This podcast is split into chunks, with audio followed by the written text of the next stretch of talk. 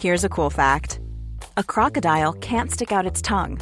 Another cool fact you can get short term health insurance for a month or just under a year in some states.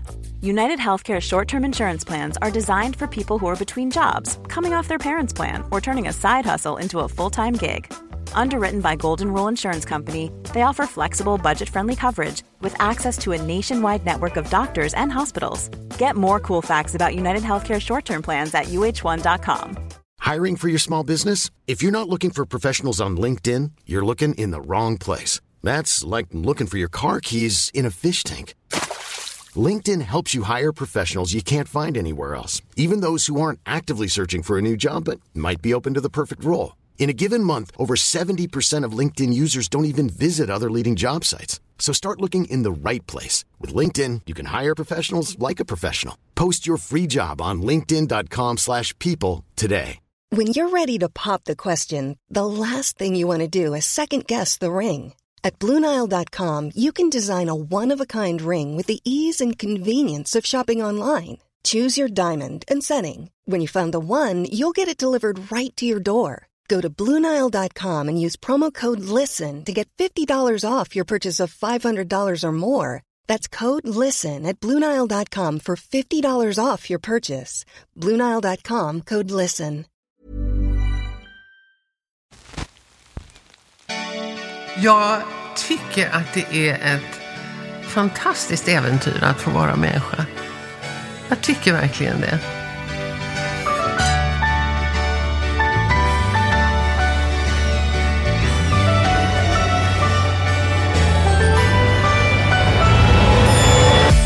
Janne Josefsson har vikt sitt liv åt att på olika sätt jaga sanningen.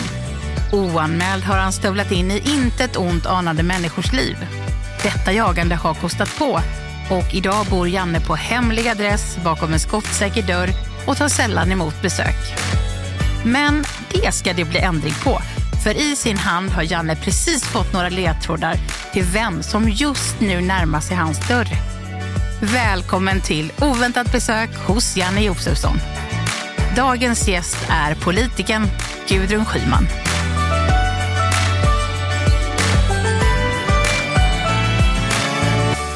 För mig är ju Janne Josefsson Janne Josefsson. Det är liksom Uppdrag granskning och det är hårda tag och det är lite buffligt och det är lite macho och det är lite arrogant och lite sådär. Och så tänker jag att eh, han har ju också blivit äldre och vi blir klokare. Alltså vi är väl eh, ganska lika i ålder, är vi inte det? Född i Täby av alla ställen. Pappa jobbade med hemslöjd och mamma var sömmerska. Pappa var alkoholist och det påverkade X uppväxt mycket. Ja, det tror fasen det. Har jobbat på posten också, vilket jag också har gjort en gång i världen. Tycker inte det är jobbigt att bli äldre. Har varit med i Let's Dance. Åh gud, jag har namn. Vi har ju säkert setts i många olika sammanhang, men jag har ju den fördelen, eller hur man nu vill tolka det, att jag har väldigt små backspeglar. Så jag har väldigt svårt att komma ihåg bakåt i tiden. Träffade sin nuvarande partner på en tangoafton i Paris. Herregud, tangoafton i Paris. Jag flyttar från Stockholm och tycker det är stressigt där. Föreläser idag om sitt tidigare yrkesliv, polis. Ja. Är politiskt intresserad, han är ju liberal. Han är ju, han är ju, jag tror han till och med är i riksdagen nu. Martin Melin. Jag har sett det hur jäkla... Jag ska se. Täby, ja. Hemslöjd, mamma sömmerska, ingen aning. Har jobbat på posten. Martin Melin. Och då kommer de. Hallå, ja. Ska vi se. Hallå, ja. Hallå? Jag bor ju ganska avsides. Jag bor ju på landet och i slutet på en traktorväg och det finns inga skyltar och ingenting. Så det är sällan det kommer någon som jag inte känner. Alltså, jag är bombsäker. Nej! Nej men vad kul, vad roligt! Nej. Det var länge sedan. Ja, det var länge sedan. Ja, det var länge sedan. Nej, det var det inte. Det, brukar, Nej, det var ju något sånt något där, nej, det var ju något sånt där lekprogram, kommer du ihåg? Nej. Eller tävling. Alla mot alla? Ja. Nej, men det, jag trodde det var Martin Melin.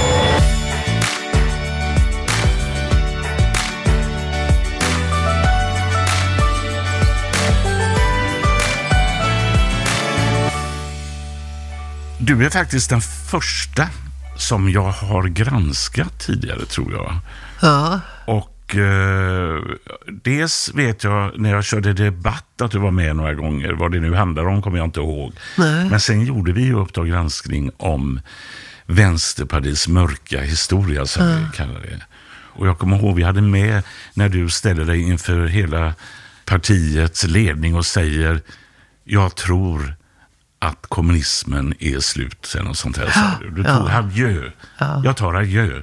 Det fanns ju en, en partiledning som liksom levde i de här gamla tiderna, tidevarven. Som, som, eh, Men du var ju en del av det, det måste vara. ja, jag var ju en del av det i den bemärkelsen att jag satt mig ju där. Sen så, så försökte jag ju förändra och det var ju inte lätt alltså. Jag höll ju på med det här länge. Eh, att vi skulle liksom ta bort kommunismen. Att vi Ja. skulle erkänna övergreppen och felstegen och Mm, den felaktiga analysen. Och att vi skulle också på det sättet kunna ge upprättelse till alla kommunismens offer. Mm. Eh, och jag hade ju varit runt och pratat i partiet om det där. Och folk det var otroligt upprörda. Medlemmar, det fanns ju medlemmar som grät. Som tyckte att det här var hemskt. Och, och det, det, var, det var inte lätt då. Sen så, Vad var det som var hemskt tyckte de? Ja, att, att vi skulle liksom konstatera att det var fel. Eller att vi inte var ett kommunistiskt parti. Att vi inte förstod. Alltså de hade ju som någon tro på det här. Det är väl inte så konstigt när man tillhör ett kommunistiskt Nej, parti? det är inte så konstigt. Och det fanns ju de som hade erfarenheter. Och ja.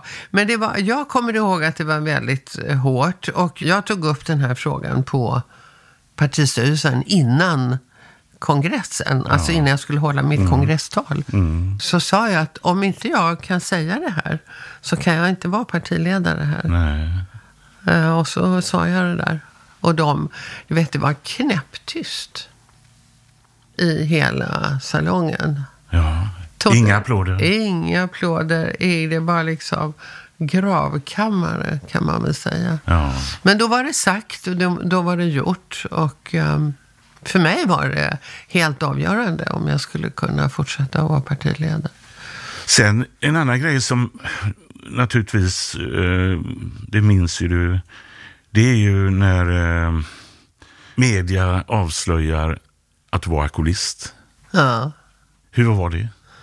Ja, alltså det kom ju inte till mig förrän jag var inne på behandling Nej. och satt i behandling. Alltså du kunde inte erkänna det? Vet, nej, och Nej. det är ju det som är det jättesvåra. Men jag hade ju haft en accelererande alkoholkonsumtion under många år.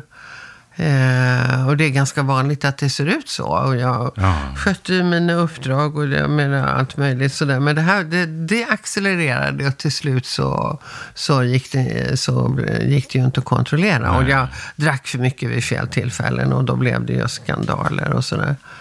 Den svåra processen är ju att eh, ta, sig, ta till sig det här själv. Ja, ja.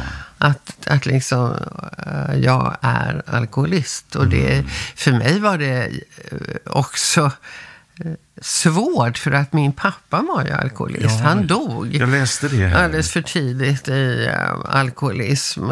Och då hade jag ju såklart för mig att det skulle ju inte jag göra. Och alltså jag borde ju, Ja. klok som jag Ja, är, så borde jag ha sagt, okej. Det här är väldigt ärftligt. Mm. Det här går, hans pappa var också alkoholist och dog en för tidig död. Och många av hans Är det syskon. ärftligt? Jajamensan. jag menar socialt, inte biologiskt eller... eh, Genetiskt. Genetiskt? Ja, det, är jätte, det finns jättemycket genetik i alla sådana här beroende och sjukdomar. Eh, och det gör det i det här också. Och så att pappas pappa eh, dog i alkoholism och många av pappas eh, syskon har också dött i alkoholism och i alkoholrelaterade sjukdomar. Så jag borde ju ha förstått väldigt tidigt att det här ska jag liksom eh, ta det lugnt med. Men du vet, jag tänkte så här, så här, ja, nu ska jag visa att det går bra att dricka utan att man blir alkoholist då. För att jag umgicks ju också i kretsar där det var, Ja. där man drack, ja, som man gjorde då på 70 och 80-talet, rätt mycket vin och det var liksom kalas här och där och så. Men när jag väl, eh, när jag väl kom in i en behandling där Ja. på nämndemansgården så, så, så sitter man ju där i, i ring liksom och så säger man hej. Jag heter, och så säger man vad man heter. Jag är alkoholist eller jag är narkoman eller vad nu man är. Och första gången jag satt där, så, alla visste ju vem jag var dessutom. Det är ju anonymitet, men det gick ju inte för mig. Och så sa jag, hej jag heter Gudrun, jag har, eh, jag har lite problem med spriten. Så och så gick det vidare. Så, hej hej, jag. Men alla hade väl det som var med där då? Eller? Ja. Ja. ja. Och, då, så, och så andra dagen så eh, kryssade jag väl fram något annat. Jag heter Gudrun och, och dricker nog för mycket. Eller något det, det tog mig tre dagar alltså innan jag kunde säga Mm. Hej, jag heter Gudrun och jag är alkoholist. Efter det har du inte druckit alls då eller? Jo, jag tog ett återfall. Du har haft ett återfall? Ja, Rejält alltså? Där du... ja det var det inte så länge. Men, eh, men, och det är ju också enligt eh, facit. det är ju väldigt många som gör det. Man, Men kan du ta ett glas vin? Nej, nej, nej. Jag tar ingenting. Inte, och jag, det, det, det är mycket möjligt att jag skulle kunna göra det. Men jag kände så här, varför ska jag utsätta mig för det? Var, var, varför är, vad är det som är så oerhört lockande i det där vinglaset som gör att jag skulle överhuvudtaget utsätta mig för risken att jag skulle vilja ha ett till eller kanske ett till. Det här har ju blivit en väldigt stor del i min identitet. Att jag, jag, jag dricker inte. Nej. Varför blev du den du är? Ja, det var en jävla fråga. Det var en jävla Jag bara kom på det nu. Uppdrag granskning. Varför blev du den du blev? Jo, men jag tänkte Vad det här. menar du med det? Nej, men det är som du berättar eh, detta och sen, eh, och det är ju känt sedan tidigare att du blir alkoholist och sådär, men, att, eh, men också det står ju här, pappa jobbade med hemslöjd och mamma var sömmerska, eh, har jobbat på posten och pappa var alkoholist och det påverkade ex, alltså påverkade Ja, dig. det påverkar ju mig, men det påverkade ju hela vår familjesituation. På vad sätt alltså? På- Ekonomin var ju Ja. trasig, han kunde ju inte jobba, han var sjukskriven. Man, du vet, på den här tiden så var familjen, det var liksom pappa, jobba, mamma, hemma, fru. Mm, så skulle, de bodde ju i en liten sockerlåda med kök och sovrum sådär. Och han var ju ute och reste. Mm, Ja. Han jobbade för hemslöjden. Ja. Så han var ute och reste och sen visade det sig när han hade upphackningar att det kom eh, påståenden om att han inte var riktigt nykter och sådär. Mamma höll ju masken länge eh, och, och sa att det var inte så farligt och sådär. Men till slut så blev ju han sjukskriven och hon började jobba. Och jobbade på ett tvätteri. Ja. Och det var ju inga stora pengar överhuvudtaget. Så att det blev ju liksom, det blev ganska knapert med allting. Och också med kärleken. Jag, jag fick för mig att du kommer från en eh, högre samhällsställning, så att säga. Mm. Jag och det har att göra med din position, men Ja. också hur du pratar. Och Ja, så, det är intressant det där, för att det är ju flera som har trott det, vad jag har förstått. Och Ja. när jag berättar att när jag kommer från det genuin arbetarklass, Ja. underklass skulle jag vilja säga, Ja, pappa, med sin alkoholism var ju väldigt illa sedd. Ja. Barnen som jag lekte med där på Kråkudden hette det, de var ju de tyckte ju att han var rena avskummet. Ja, kom ni hem med honom i, i skottkärra. Här kommer din sup ut till pappa. Du vet, det var väldigt brutalt. Särskilt bland barn. Eh, och också att vi inte hade några pengar. Det var... De som bodde rakt över gatan hade mera och fick, kom med lite avlagda kläder till mamma och sådär. Det var tuffa tag. Och det var aldrig tal om något annat än att när, jag, när vi gick ut nian, min brorsa och jag, så var det ju att börja jobba. Ja. Och det var ju ingen katastrof, det tyckte ju inte jag. Nej. Det var, inte, det var också så här att det var inte så farligt att vara fattig på den tiden, för det fanns fler. De här tiderna då när du börjar plugga eller börjar jobba och så. Mm. så du kommer rätt tidigt in, tror jag, nu ska vi se om jag har rätt, i MLK, marxist-leninistiska kamporganisationen. Mm. Stämmer det? MLK var ju inte det första, utan för mig var det första Folket i bild. Ja. Kulturfront. Mm. Då hade jag, alltså jag hade ju, jag kom ju in på Socialhögskolan genom en köksdörr som hade öppnats för att de skulle ha breddad rekrytering. Och jag hade ju en hemlig dröm och det var att få bli socialarbetare. Som jag hade med mig hemifrån för jag tyckte att Ja, det hade gått rätt illa till ja, med min mamma och du vet räkningarna och allt det där. För att göra en lång historia Ja. kort så, så sökte jag in på sådana fem behörighetsbetyg och kom Ja. in. Det, det kan, man, man skulle ha jobbat i fem år, man skulle ha fem behörighetsbetyg, man skulle, ja det var nog mer. Och jag eh, stämde på alla.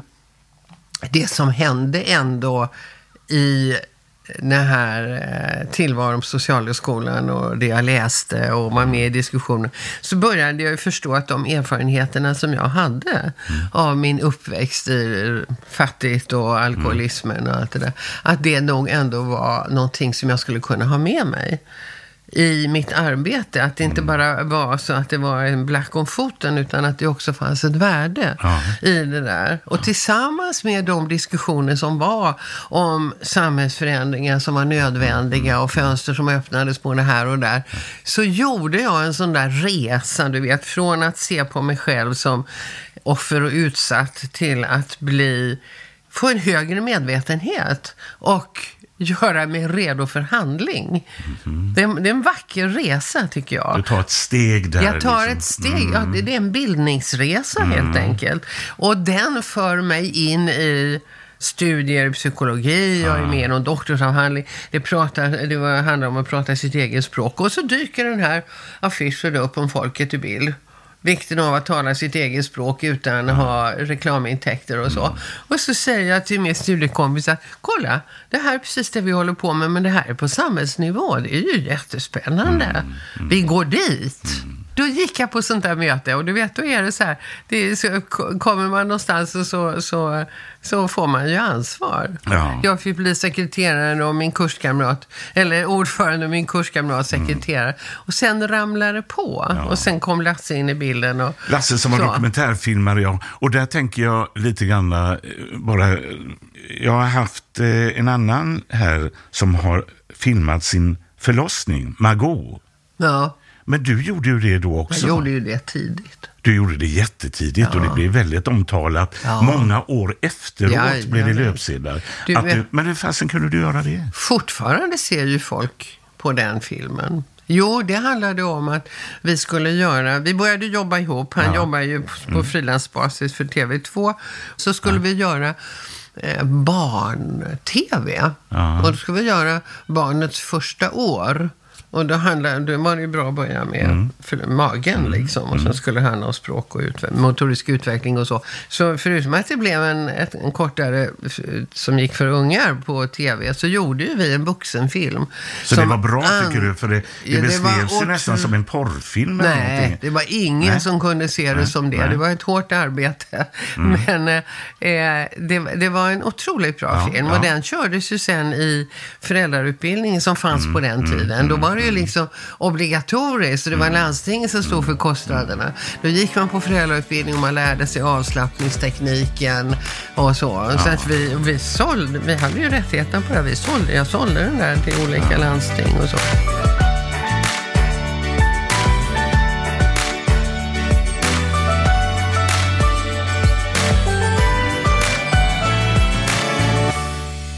Vad brinner du för idag? Det är den pågående och accelererande klimatkrisen som vi måste hantera och jag är förtvivlad och frustrerad över att vi totalt saknar politiskt ledarskap i de här frågorna. Har, det finns ju Miljöpartiet och det, Nej, men det finns inget politiskt, ett politiskt ledarskap i den här frågan, ett modigt politiskt ledarskap. Det skulle vara att göra ungefär som när pandemin kom. Man ställer sig bredvid varandra och säger nu är det allvar. Nu brinner det här. Vi ska avkräva politiken ett ansvar. Det, alltså det är så ansvarslöst så det är inte klokt. Det kommer ju rapport efter rapport efter rapport och forskarna säger vad är det ni inte förstår? Ja, vi får väl ta fram någon plan. Vad fan, det brinner ju. Det, jag, alltså, jag, jag tycker det, det Ja, men finns... Jag kan inte bedöma hur allvarligt det är. Jag Ja, förs- men du jag kan ju- förstår du är ju läskunnig. Jo, jag förstår att det är förändringar. Jag ser eh, förändringarna som sker och eh, det är ju bara att titta ut eh, vad det är för Ja, väder vi ja, har ja, och sånt ja, där. ja. Men jag, jag, jag har inte förmågan att i detalj, för det får du nästan vara utbildad tekniker för att Nej. Jo, men jag, jag, jag kan inte... Jo, men jag säger bara för Ja, hur ja, jag ja. själv ser på det. Ja. Jag kan inte bedöma hur pass allvarligt det är på det sättet. Kommer världen gå under om 50 år eller Ja. om 15 år eller har vi tusen år på oss? Så förstår du, jag, mig kan man lura vart man vill i Ja. de här frågorna.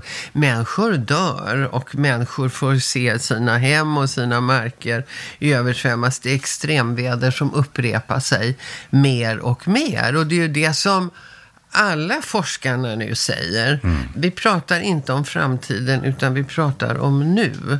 Det här lever människor i nu. Vi är ju väldigt förskonade än så länge. Men det var väl ändå en översvämning i Gävle som gjorde att några vaknade upp liksom. Men vad är det vi ska göra? Om det är praktiskt, alltså, så- ska jag kunna ha bil? Jag tror att vi måste förstå att det krävs att vi omedelbart bums nu, vi ska halvera utsläppen fram till 2030. Vilka utsläpp? Alltså, av, Utsläppen av koldioxid. Ja. Vi måste halvera alla utsläpp. Mm. Det innebär att då måste vi ju titta på samhället i länderna och i vart men Mm. också i kommunerna här i Göteborg. Hur ser det ut med utsläppen av koldioxid här?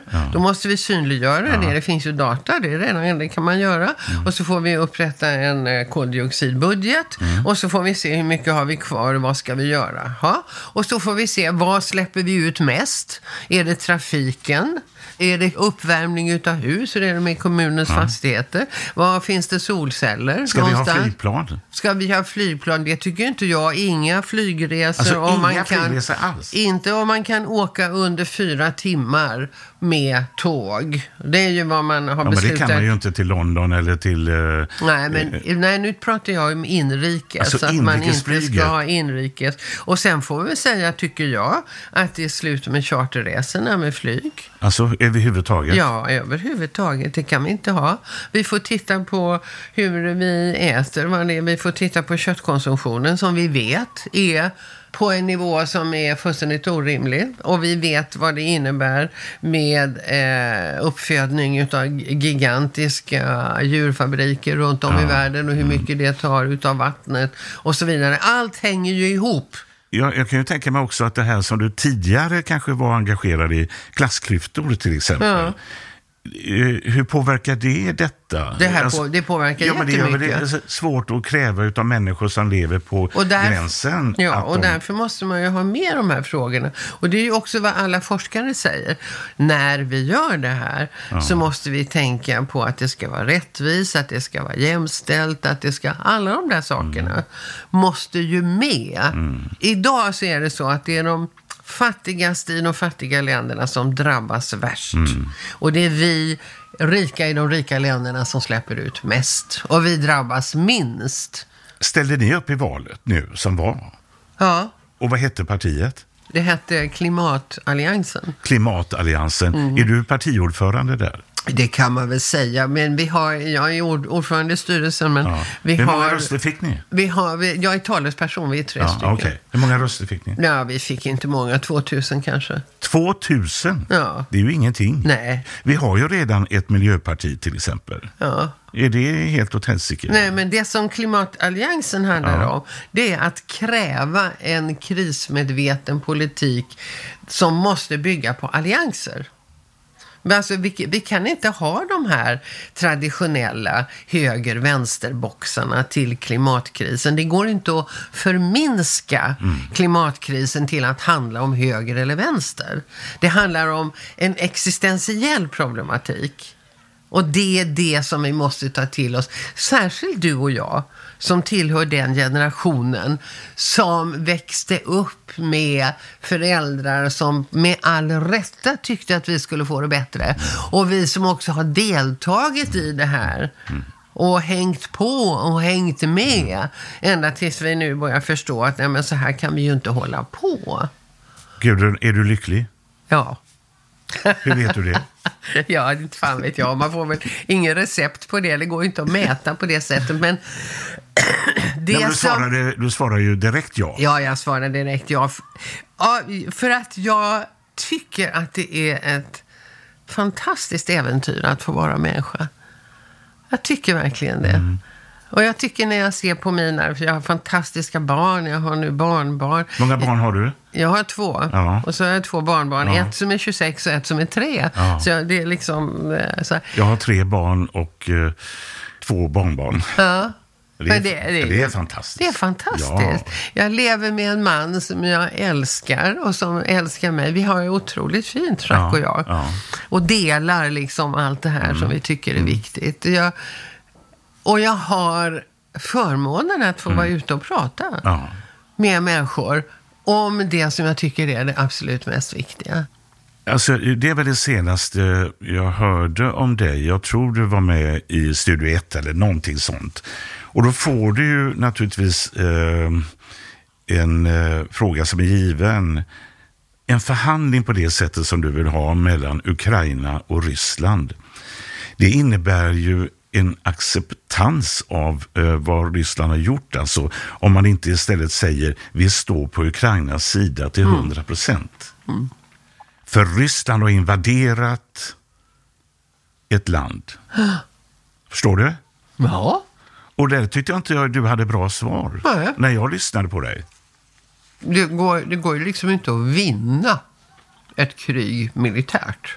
Det går ju inte att vinna på slagfältet, utan det, Det är klart det Slutar gör. ju alltid. Nej, men så, andra världskriget slutade ju med det. ja, det är väl det enda undantaget. Om du tittar på modernare krig så har det ju inte sett ut så, utan det håller på i åratal, och åratal, i åratal. Jag tycker det är otroligt ociviliserat överhuvudtaget att tänka sig att lösa konflikter med våld. Oavsett på vilken nivå de är. Men då tänker ju eh, jag så här bara, som har en annan uppfattning om det här, det är ju att om det är ungefär som någon skulle komma och invadera här, så tycker jag vi ska försvara oss. Och det är ju det man har gjort i Ukraina. Och ju mer de kan försvara sig, desto bättre är det. Det är så jag ser det. Men eh, Ja, nej men jag, jag ser det inte så. Alltså, det finns ju en lång historia innan. så de ska inte försvara sig. i- Och, nej, men i Ja. den här frågan vi får vi gå tillbaka ända till murens fall. Mm. Och vad som då sades. Och vad som utlovades att NATO inte skulle gå framåt och allt möjligt. Och sen har det varit avtal och sen har det varit folkomröstningar och sen har det varit Minsk 1 och Minsk 2 och en massa löften som har brutits hit och dit. Och det är ju otroligt beklagligt att det inte har funnits tillräckligt många som tillräckligt mycket har velat en förhandlingslösning innan kriget bröt ut. Det har ju varit en process som har pågått där också väst Ja, har varit ja, inblandade. Men nu, nu pågår det här kriget och jag kan inte tänka mig någonting mer konstruktivt än att man säger sluta, eldupphör, vapenvila. Och sen får man ju tillsätta en grupp som jobbar med förhandling och hur det ska kunna se ut. Men det är så, jag, jag tycker det är rent osmakligt alltså att vi kan sitta här långt ifrån liklukten och tala om att nej, det är att förhandla vore att gå Putin till mötes. Det är inte moget, man måste ha ett bättre förhandlingsläge och så vidare. Hundratusentals människor dör. Ja, det, det, det här är ju så, alltså det här är ju de tuffaste tider jag har varit med om i alla fall. Och, för nu är det väldigt nära en. Jag, jag är av den uppfattningen. Det finns inget värre än våldet. Man ska förstå att ständigt lösa konflikter. För de kommer alltid att uppstå. På annat sätt än genom att slåss. Det är ju det vi förespråkar i det civila samhället. Att vi ska lösa konflikter på annat sätt än att slåss. Och den kunskapen och den medvetenheten utifrån vad vi vet om vad det orsakar för oerhört lidande. I generationer har vi krigstrauman. Samtidigt som vi vet att det är otroligt starka ekonomiska intressen som ligger bakom detta med att ösa på med mera vapen.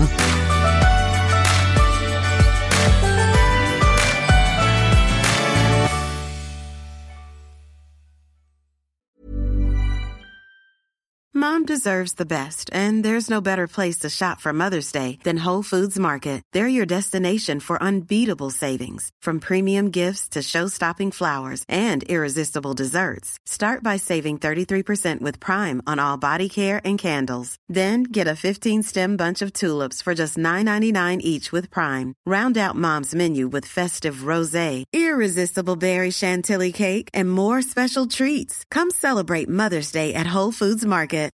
One size fits all seems like a good idea for clothes until you try them on. Same goes for healthcare. That's why United Healthcare offers flexible, budget friendly coverage for medical, vision, dental, and more. Learn more at uh1.com.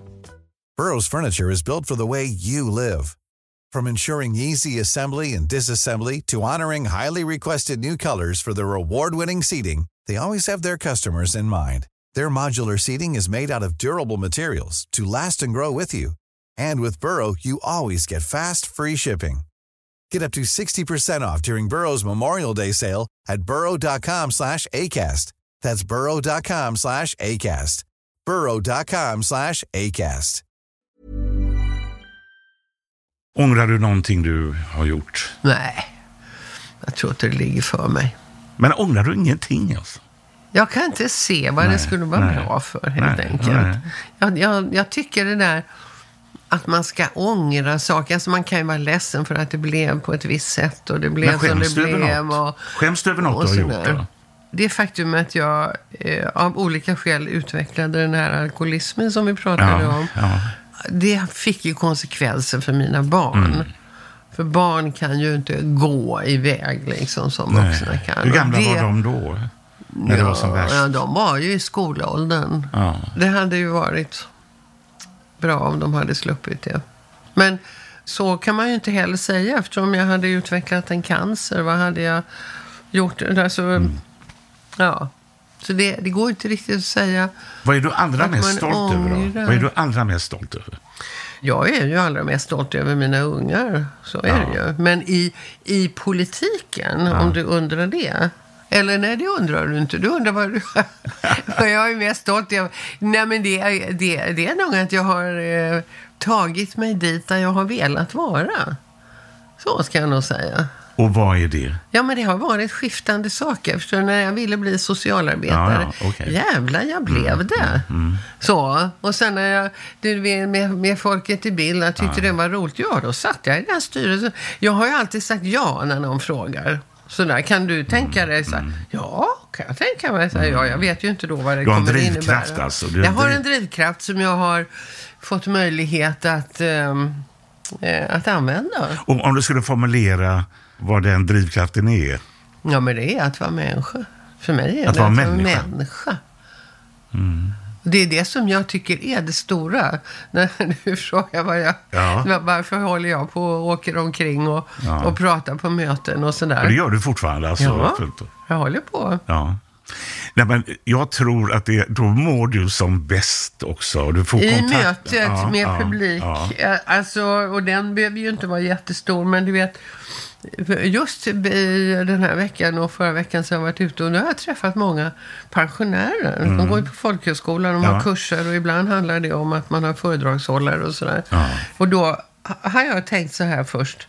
Ja, nu ska jag åka och prata för pensionärer. Nu ska jag, så här. Och sen kom jag på att jag ska åka och prata med mig själv.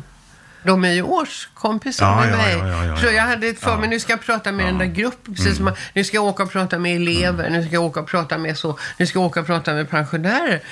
För att jag har då en mental ålder själv som ligger på 50 ungefär, som jag ser på mig själv. Det är min mentala För ålder. du är 73 va? 75 fyller jag nu. 75? Jag är född 48. Du är snart 80 år Gudrun Nej, för fan. Det får bli 75 först. Men du mentalt så är det bara 50. Mentalt har jag länge legat på 40. Och sen så tänker jag, ah, jag får väl börja säga 50 i alla fall. Men det är svårt Någon kanske skulle säga alltså. du har ingen självinsikt överhuvudtaget. Nej, det. Men Så det, jag styrs väldigt mycket av min mentala ålder. Och Men- den har gjort att jag säger att jag ska åka och prata för pensionärer. Och sen på vägen dit tänkte jag, men vad fan, det är ju kamrater. Så jag kommer dit och säger, nu ska vi prata om hur vi har haft det. Det, det, det som är väldigt mycket nu, tycker jag, i tv och även i tidningarna, det är det här om pensionärer och sex, att man inte ska lägga av Ja, med sex. ja. Har du fortfarande sex? Nej, inte så mycket. Nej. Vet du, jag tycker att det där är att förminska Mm. Sensualismens möjligheter. Sensualismen är mycket större. Den är mycket större, hud, närhet, den typen av kommunikation är mycket större än att man ska hålla på och räkna samlag. Nej. Jag tycker det är ett väldigt mekaniskt synsätt. Tycker du att det, det är det som sprids, det mekaniska synsättet? Ja, det tycker jag. Kvant det är mekaniskt och kvantifierbart. Mm, Det, det går ju på det alltså. Man räknar pinnar, det är som polisen. Men kärleken och attraktionen och Ja, det där. den finns ju. Om du går tillbaka till när du är fem, sex år bara. Och du kunde känna en sån där, vad vi idag kallar eufori, där du kände lycka. Kan du gå tillbaka så långt och komma ihåg det? När du kände en sån där härlig känsla som du aldrig glömmer. Jag har ett minne med min pappa. Som handlar om att, han, att jag går med honom och sätter mig på bryggan och metar. Du vet, vi hade här enkla, bara en pinne. Eh, och så en lina och ett litet mask. flöte Aha. och en mask och en Ja, krok. Och så satt vi där på bryggan och metade.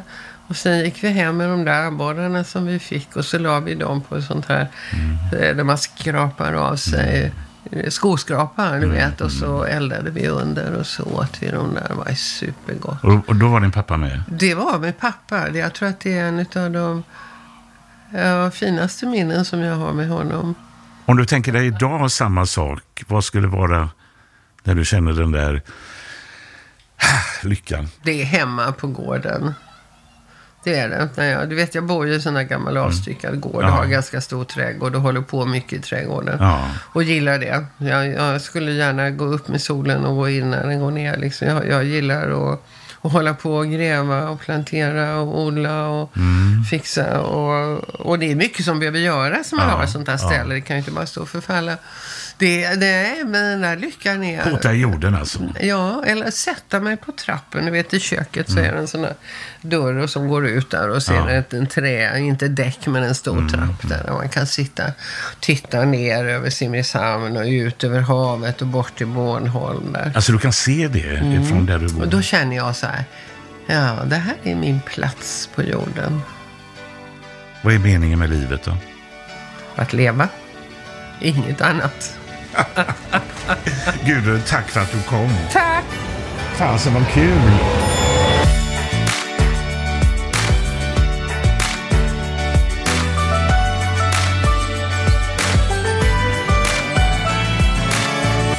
Jo, men det var ju jätteroligt. Det var ju, jag vet inte vad jag hade föreställt mig. Jag var lite sådär, jag undrar hur det blir. Men det var, det var fantastiskt roligt måste jag säga. När jag har träffat honom i sammanhang tidigare så har det ju inte varit mysfika direkt. Utan då har det ju varit lite tuffare tag. Men han har, eh, jag tycker han har, ja, han har glädje i sina ögon. Det, det tycker jag är roligt. Väldigt positiva känslor efter det här tycker jag. Vi kunde vara oense, väldigt oense om det här med Ukraina. Det är inga lätta frågor. Men också få fram en bild av henne som jag absolut inte kände till. Jag trodde hon var en nästan, inte kanske överklass, men eh, liksom från en intellektuell familj med bra ställt och sånt där. Så var det ju inte. Och sen efterhand så kom jag ju på grejer som har hänt. Allt ifrån det här att hon hade filmat sin förlossning till, eh, det blir ju rubriker när man, man, hon var på en bio väldigt packad och det blir ju löpsedlar. Och sen blev det också, och det här jag själv har intervjuat henne tidigare. Hon är ju otroligt skicklig som politiker och, och talesperson för vilket parti hon än står för, får man väl säga. Och hon är ju själv också nöjd, även om jag gick på lite grann. Men det, det klarar hon. Det förtränger hon eh, efter några minuter. Så går hon vidare i livet. Thank you for listening to this Polpo original. You've been amazing. Planning for your next trip? Elevate your travel style with Quince. Quince has all the jet setting essentials you'll want for your next getaway, like European linen, premium luggage options, buttery soft Italian leather bags, and so much more. And is all priced at 50 to 80% less than similar brands. Plus, Quince only works with factories that use safe and ethical manufacturing practices. Pack your bags with high-quality essentials you'll be wearing for vacations to come with Quince. Go to quince.com/pack for free shipping and 365-day returns. Planning for your next trip? Elevate your travel style with Quince. Quince has all the jet-setting essentials you'll want for your next getaway, like European linen, premium luggage options, buttery soft Italian leather bags, and so much more. And is all priced at 50 to 80% less than similar brands. Plus, Quince only works with factories that use safe and ethical manufacturing practices. Pack your bags with high-quality essentials you'll be wearing for vacations to come with Quince. Go to quince.com/pack for free shipping and 365-day returns. When you make decisions for your company, you look for the no-brainers. If you have a lot of mailing to do, stamps.com is the ultimate no-brainer. Use the Stamps.com mobile app to mail everything you need to keep your business running with up to 89% off USPS and UPS. Make the same no brainer decision as over 1 million other businesses with Stamps.com. Use code PROGRAM for a special offer. That's Stamps.com code PROGRAM.